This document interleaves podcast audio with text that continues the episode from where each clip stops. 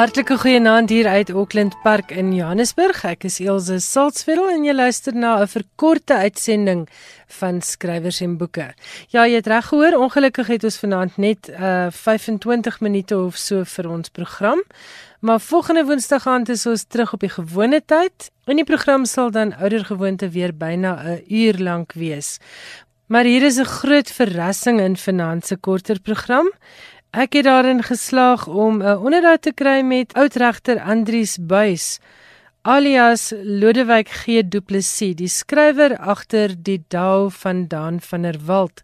Nou soos gereelde luisteraars en boekliefhebbers sal onthou, hierdie boek is aanvanklik uitgereik onder 'n skuilnaam en niemand het 'n idee gehad wie is hierdie geheimsinnige Lodewyk G Du Plessis nie. Maar dit het natuurlik alles binne 2 dae verander toe die boek twee groot literêre pryse verower het.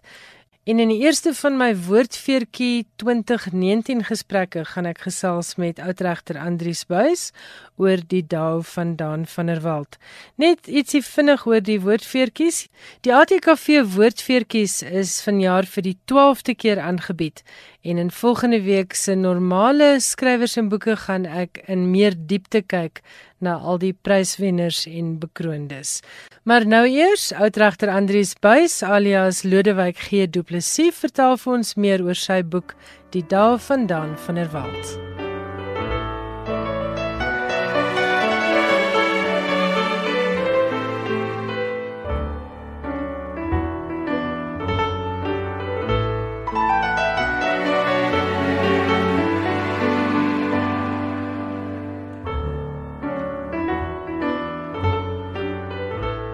Dis of my heerlik om vanaand hier by die woordfeertjie geleentheid in Stellenbosch te gesels met die skepper van 'n onvergeetlike boek Die Dao van Dan van der Walt. Ek voel amper lus om te sê u want 'n mens sê vir 'n oud regter u vertel vir ons van hierdie boek waarvoor jy vanaand met die 4de prys in 'n ry bekroon is. Ja, die boek waar, waar begin mens met die boek? Dit gaan 'n lang lang tyd terug. Ek het die storie nou al soveel keer vertel. Ek was in die uh uh tandarts se spreekkamer en daar het ek gesit in, in die sari gesit en lees. En dit was van 'n ou man wat vir die troostaante gevra vertel het dat hy 'n goeie vriendin ontmoet en toe een aand na hulle so 'n bietjie uitgegaan het, toe het koffie drink en na woonstel toe gaan hy maak hy loop hy 'n draai en toe hy terugkom toe sit sy kaal op die rusbank en hy sê Hy het onmiddellik sy baadjie gegryp en hy het uit huis toe gegaan. En hy wil van die troos staan te weet wat's fout met haar. Nou ja, en dis nou eintlik snaaks geweest. Daai aand was ek by 'n braaivleis geweest te vertel ek nou vir die manne dit om die vuur. En toe sê hulle, ja, 'n man is mos nou nie 'n klip nie. Nou, dit was die kern, dit was die embrio wat uiteindelik aanleiding gegee het tot die skryf van die boek. Dit was eers 'n kort verhaal geweest wat ek geskryf het en dit het na laai gelê en niks verder gekom nie. En toe het ek eintlik dit gebruik as as die die die, die embrio vir die, vir die hele boek. Met ander woorde, nie soveel wat was haar probleem nie, wat was was sy probleem. Nou ja, dan begin 'n mens nou dink, dit is 'n snaakse storie, maar dit is eintlik glad nie 'n snaakse storie nie. Dit is eintlik 'n baie tragiese storie dat dat die ou man die situasie glad nie kon hanteer nie. En daaruit het die boek toe gegroei. Ek sê altyd die voorskrifte in die boek wat in die eerste is dat mens uit die vier vorm moet uitbreek, die kors moet breek. In ander woorde, dit gaan hier sodat die kors moet breek van die mensheid en dit is wat wat dan dan dan ook probeer doen. En dan in die tweede 'n beskrywing daar is die aanhaling van Hadie se gedig. Dis die enigste keer dat die die die die vrou, die Magrita eintlik 'n woord sê en sy sê jy jy sê vir my ek moet vir jou sing. Sy's reeds dood. Dan sê sy uiteindelik vir hom as ek in die hemel is, gaan dit anders wees. Nou ja, dan is gay maar soos van, van 'n gay man verwag word in in Suid-Afrika en in in in China veral uh word dit verwag dat jy trou. En hy het dit natuurlik gedoen. Dit was daar was geen sprake aangewees dat hy dit nie sou doen nie. Maar dit het gelei tot ongelooflike spanning in sy huwelik. En sy het in die letterkunde haar teruggetrek en dan het hy gek geskeer met haar letterkunde. Ehm um, tipies ja, kinderagtig manier van van van doen. En toe toe hy nou 12 jaar na haar dood, toe soek hy ehm um, wil hy wil hy weer 'n bietjie gaan vlerk sleep en hy kyk in die in die Antpo weekblad se opsit kers en daar sien hy 'n boerseun onder die naam boerseun vra dat hy wil graag 'n ouer man ontmoet. Nou ja, van daar af is nou die ander die ander aanhaling wat ek gebruik in die laaste deel is wat wat dit kom uit Euripides se se Bakkai wat ons wil hê kry ons nie die, ons kry wat die gode vir ons voorskryf. Nou daar is nou die daardie afdraai pad. Daan draai daar af. Hy loop 'n totale bloukie met met boerseun. Uh en dan die volgende wat wat dan gebeur is is dat sy bure word vermoor. Hy moet weggaan van die plaas af. Hy gaan na 'n ouer huis toe. Hy ontmoet 'n Chinese vrou daar en hy gaan uiteindelik saam met haar China toe. Nou In die tussentyd het hy en sy seun 'n ernstige uitval gehad. Hy wou gehad dat die seun moet predikant word. Hy het gestudeer en hy gekwalifiseer as 'n predikant, maar hy wou nie die uitberoeping aanvaar en dit het 'n breuk tussen pa en seun veroorsaak. Dan is daar 'n ander seun wat op ouderdom 12 dood is. En dit was Daan se skuld geweest in die sin dat hulle het met die perd gaan ry. En Magrita het gesê, "Ja, die perd is te wild." En Daan het gesê sy verstaan nie die wonder van voluit galop op 'n perd. En daai vryheid wat jy kry as jy ry nie. Ek ek ek weet dit. Ek het ek het perd gery en afgeval. Elk geval het toe die hele familie belet. Hulle mag glad nie oor daai seun praat nie want hy het 'n verskriklike probleem gehad, 'n skuldgevoel. Skuldgevoel speel 'n geweldige rol in die boek wat hy moet afskud. Dan gaan hy China toe waar sy seun ook is. En dit is eintlik die rede hoekom hy dan saam met jou my die Chinese WDW China toe gaan. En dan vertel sy seun vir hom dat hy getroud is met 'n Chinese vrou.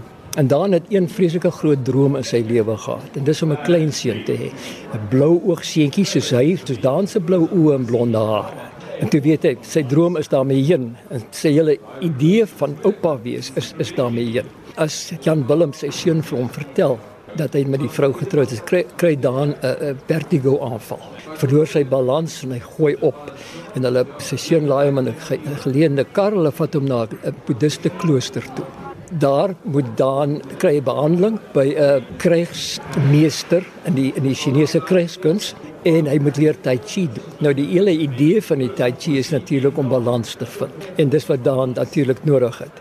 En dan sit 'n geleidelike proses wat daar plaasvind. Hy hy moet onder andere die Qingming seremonie saam met die Chinese deurmaak. En dit is iets soortgelyk aan die as die Engelse die Rooms-Katolieke en die Engelse kerk ook, die, die Anglikaanse kerk All Saints Day. Hulle gaan en ek het dit byvoorbeeld saam met Twan beleef self waar hy na sy ouma se graf toe gaan. Hulle neem kos, maak die graf skoon, skiet klappers en hulle glo, wel ek weet nie of hulle dit regtig wag glo nie, maar hulle sit die kos daar neer en dan kan die kan die geeste kom eet. En as hulle klaar is, dan eet hulle die kos op hulle huis toe, eet die kos. Nou dis 'n vorm van offerande. Nou terwyl ons met offerande besig is, die offerande speel 'n rol reg van die begin af in die boek. En natuurlik dit eindig ook met 'n offerande offerande en kastrasie, die die ontneming van die van die man se manlikheid. Begin by die die seuns wat gesing het in die miserere, dan word hulle gekastreer sodat hulle stemme kan hou en dat jy die die verskriklike opoffering wat wel ja, dat jy dit later in die Chinese geskiedenis het jy ook die kastrasie die die pa sal besluit dat een van sy seuns moet gekastreer word sodat hy 'n werk by die by die keiser kan kry. Want dit is 'n gesogte werk. Nou en natuurlik dan jy die die kamikaze vliegtuie. Die jeug word opgeoffer in die oorlog. Nou dis almal temas wat deur die boek loop. En dan uiteindelik ontwikkel daan 'n vriendskap met sy instrukteur. Die meester stel 'n jonger man aan om hom om hom te help met sy met sy tai chi. En daar ontwikkel dan 'n verhouding tussen hulle. Nou ek wil nou nie verder gaan nie want een van die vrae wat die boek vra en ek dink nie veel veel mense dit al raak gesien nie. Presies wat is die verhouding van Daan met Songtaal? Dis nie net wel goed ek kan nie my eie boek uitleen nie maar maar ek kan wel sê dat as jy nou net gaan dink dis 'n dis 'n doodgewone homoseksuele verhouding dan dink ek slaat jy die bal heeltemal mis. Daan sien iets van sy gestorwe seun in Songtaal. Hulle is ewe oud. En en en ek dink daar gebeur iets in Daan se verstand en sy benadering tot die, die hele situasie. Ek beskou die boek nie as 'n gay boek nie. Die boek gaan baie baie verder terug. Dit dit ondersoek homoerotiek in die antieke tye meer spesifiek die Gilgamesh verhaal.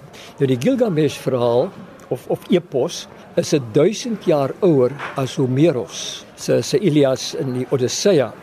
Met ander woorde is ook 'n 1000 jaar ouer as die eerste geskrifte in die Bybel. So dis 'n ontsaglike ou geskrif en dis 'n ou storie gewees wat in elk geval neergeskryf is deur 'n deur 'n bepaalde persoon soos wat Homeros as ons nou aanvaar dit was Homeros gewees want ons weet nie of dit hy was nie ook 'n ou storie wat mondelings oorgedra is in die Ilias en die Odyssea neergeskryf het. So vanaf die vroegste tye was daar verhoudings homoerotiese verhoudings tussen mans gewees. En die hele idee dat seks sonde is, het eers gekom hierso so 2-300 jaar eintlik na Christus. Uh, Augustinus en ek dink Hieronymus wel Augustinus het begin in elk geval met die idee van van van erfsonde. Die Engelse noem dit original sin en dit is my baie baie uh, beskrywende term. Aan die ander woorde twee mense doen sonde in die paradys en nou ja ons word nou almal volgens Augustinus bevlek met daai sonde.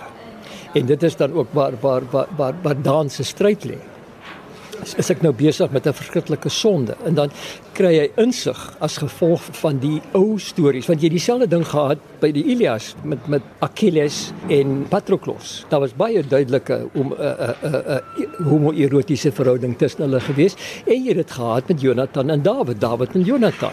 Ek meen uh um, dis nie nodig om daarop in te gaan nie, maar dit was baie duidelik dat daai twee mans besonder geheg was aan mekaar.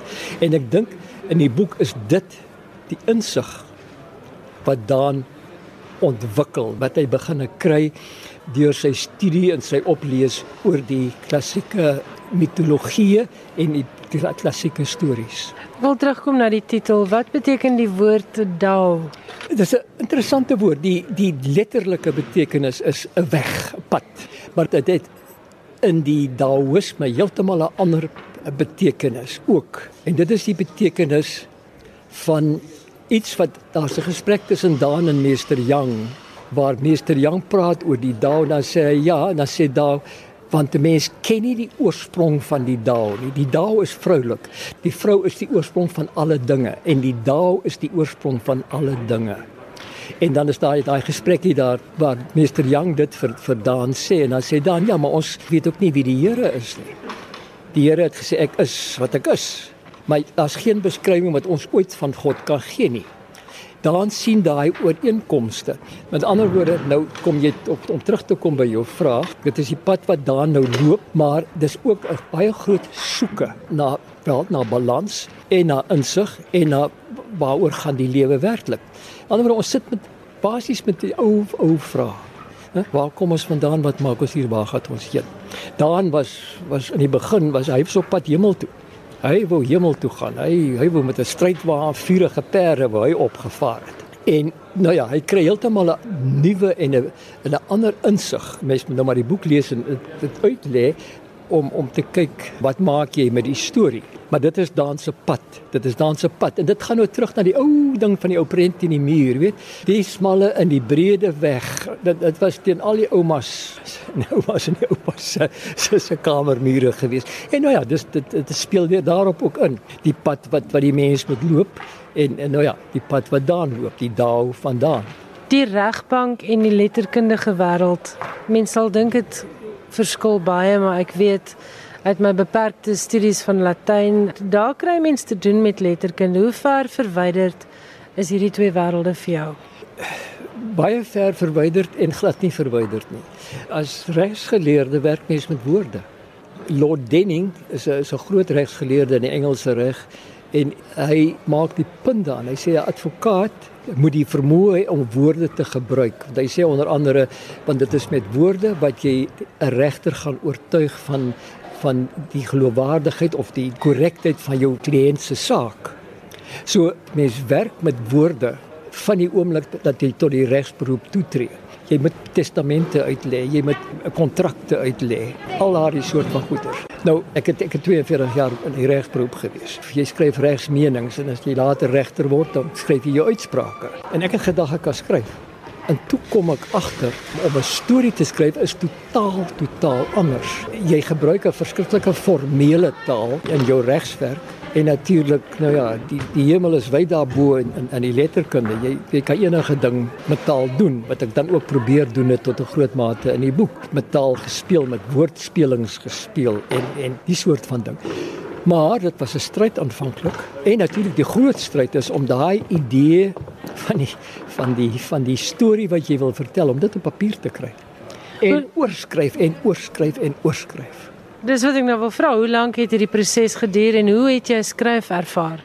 Wel, vir my was die ek dink die waarskynlik die lekkerste deel van regter wees om my uitsprake te skryf. Maar daar het jy jou feite gehad. Jy het die saak aangehoor en nou moet jy daai feite opsom ensovoorts.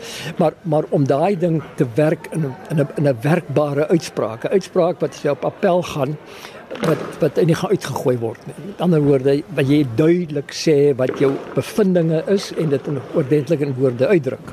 Terwyl nou ja, as jy nou met 'n met 'n roman besig is, dan moet jy nou die storie uitdink. Jy moet die storie uitdink, jy moet hom neersit op papier of op jou rekenaar en dan begin die oorskryf. Vir my was die moeilike deel was om die aanvanklike storie te kry. En die deel wat ek verskriklik geniet het, was die hersiening die aanhoudende oorskryf want ek het probeer om om elke sin so volmaak as moontlik te kry. Skoon te maak van alle onnodige woorde. Dis werk. Ons praat dis dit en dis dat maar jy skryf nie dis en dit en dit mm. eh, dis warm vanmiddag. Nee ek nie nodig om dit te sê nie. Jy sê warm vanmiddag of wat ook al. Ja, dit was vir my 'n verskriklike interessante proses om die die taal af te skaal tot sy essensie. Nou, ek het nie altyd geslaag nie, mens. Ek weet dit. Ek ek sien nou sinne in die boek. Alhoewel ek se jaar gelede het ek hom gelees het, onmiddellik na hy gepubliseer is, het ek gas dit nog gelees tog nooit weer nie. Maar daai lees het ek goed opgetel. Ek gedink, hoe kon ek hierdie lelike sin geskryf het? Maar dit is dit is vir my die die die, die skaafwerk, die die afwerk, die die om om 'n finale produk. Dit was vir my die heel heel lekkerste deel geweest. En ek wil net sê ek dink dit daar's lelike sinne in nie want die boek het 4 groot literêre pryse verower. Eintlik al 4 die groot pryse wat daar is vir Afrikaanse prosa. Ja. Ja. Ek wil net 'n laaste vraag vra. Hoe lank het die skryfproses geduur? Lank. Dit was lank. Ek glo dit was 'n goeie 5, 6 jaar. Maar weet ek mense het nie aanhoudend geskryf nie want gedurende daai periode het ek in verlangtye oorsee gewees. Ek het self tai chi gaan doen. En ehm um, ek het vir tot 9 maande het ek oorsee in in in, in Kuala Lumpur in Maleisië gebly en daarvan af getoer. Die groot skryf het gekom na Twan se boek gepubliseer was. Want hy, hy het baie vinnige agent gekry vir sy eerste boek. Dis Twan Eng van wie ek nou praat. A Gift of Rain En toe kon hy nie 'n uitgewer kry nie. En hy het dink ek iets soos 2 of 3 jaar gewag en toe het ek vir hom gesê nee nee nee, dan moet jy maar teruggaan, jy moet gaan werk. En hy sê terug na sy firma toe. Hy hy's ook 'n regsgeleerde. En hy het gaan werk en en ons het 'n woonstel gehad in Kuala Lumpur. En en dit het toe toe gebeur. Ek het gaan toer en na hy toe sy boek gepubliseer het, het ons permanent weer in Suid-Afrika kom woon wel ek woon permanent hier. Hy gaan in elk geval nog elke jaar 'n paar maande terug Maleisië toe. Maar ek het daar getoer en nou ja dan skryf 'n mens nie. Toe ek ingeskryf vir 'n meestersgraad in kreatiewe skryfkunde by Marlene van Niekerk en Willem Anker Stellenbosch. Nou ja daar was jare gewees waarin ek glad hoegenaamd geen werk ingehandig het nie. Ek was ek was net weg gewees So dit het dit het 'n stadige proses gegaan en toe het ek die boek klaar gemaak en toe het ek besluit ek gaan nou nie publiseer nie. Onder andere omdat ek nie wou doen wat ek wat ek nou eintlik doen nie. Ek was bitter siek geweest toe ek afgetree het. Ek het 3 hartaanvalle op daai stadium gehad en en, en nou ja, kon net nie aangaan met die werk nie. En die die lekker van die aftrede toe was geweest, nou ja, jy's met eens los, jy's ontspanne. Ek het begin ernstig fotografie doen wat 'n wonderlike remedie is vir mense se se kwale. Jy weet jy jy uit in die veld. Ek het uh, landskapfotografie gedoen. Ja, en my gesondheid het verbeter toe toe toe, toe, toe uiteindelik toe het klaar toe wou ek nie publiseer en toe Twan my ingepraat en gesê man jy het so hard gewerk jy moet dit tog nou doen toe stuur ek die boek vir Frederik de Jager ek sê vir hom gee vir my 'n mening of hierdie ding publiseerbaar is En toe kom hy met 'n absolute gloeiende rapport op die boek en hy sê die boek moet gepubliseer word. En nou ja, daarvan af is hy tot Tafelberg toe en Tafelberg toe uitgegee. Maar die hele proses is 'n goeie 6 jaar gewees. En soos hulle sê die res is geskiedenis, vier pryse ja. later. Ja. Ja, dis verbasend. Jy weet, dis gesê het met die groot probleem is met boek om die storie op papier te kry mes mes dink mos nou nie aan aan aan pryse nie. Hoe genaamd nie. En ja, dit was dit was 'n absolute verbasing die ek was op pad Pilates toe. Toe sien ek die boodskap en toe sê die IE prys. En 2 dae later was ek in die apteek gestaan, so tipiese ouma met my medisynetjies gekoop en daar lê my telefoon en toe sê die akademie, toe sê die Eugene Maree prys. In 2 dae. Nou ja, toe ek kyk ek mos onder 'n skuilnaam geskryf. Nou ja, toe toe besef ek wel jy kan nie jy jy kan mos nou nie 'n skuilnaam en dat jy twee pryse gewen met die boek nie en toe ek besluit ek gaan sê wie ek is. Dit was die Vrydag gewees ek gehoor het en die Sondag toe se hele storie in die rapport. En dis die storie. Ek wil net 'n vinnige laaste vraag vra. Hoekom 'n skuilnaam? O, ehm uh, wel, ek het eintlik vir jou reeds gesê ek was ek my gesondheid was nie goed nie. Ek wou nie, ek wou nie weer in die openbaar in die openbare lewe toetree nie. Jy weet 'n regter se werk is is is oop vir wel die hof is elke dag oop en jy gee jou uitsprake in die oop hof en jy's jy's in die publieke oog. En ek ek was moeg vir daai lewe gewees. En dit was wonderlik geweest om met eens nie regter te wees nie. Jy weet jy's Andrius Buys en ek wou glad nie weer wel ek ek wou nie on, onderhoude gedoen het nie en ek wou nie weer tot die openbare wêreld tree nie. En nou ja, toe toe toe wen die boek nou pryse en toe het ek dit maar gedoen. En daardie stem behoort aan oudregter Andrius Buys. Hy is die skrywer van Die Dao van Daan van der Walt, 'n debuutroman wat die asems weggeslaan het en reeds met 4 groot letterkundige pryse bekroon is. Dis natuurlik ook 'n roman wat die mense aan die gis gehad het oor wie moontlik die skrywer kon wees, want die skrywersnaam wat hy gekies het was Lodewyk G Du Plessis. Baie dankie aan almal wat vanaand saamgeluister het. Volgende Woensdag aand om 8:00 is ek terug met die normale langer skrywers en boeke en dan gaan ons kyk na verdere wenners van die pas afgelope ATKV woordfeertjies wat verlede Vrydag aand in Stellenbosch gehou is. Die SMS nommer in die ateljee 45770 en my e-posadres is skrywersenboeke@rsg.co.za. Ek is Elsje Salzwetel en tot volgende Woensdag aand groet ek jou. Ek hoop jy het 'n wonderlike stapel boeke om te lees en bly gerus ingeskakel op RSG want ons het nog heelwat om jou mee te vermaak vanaand. Totsiens.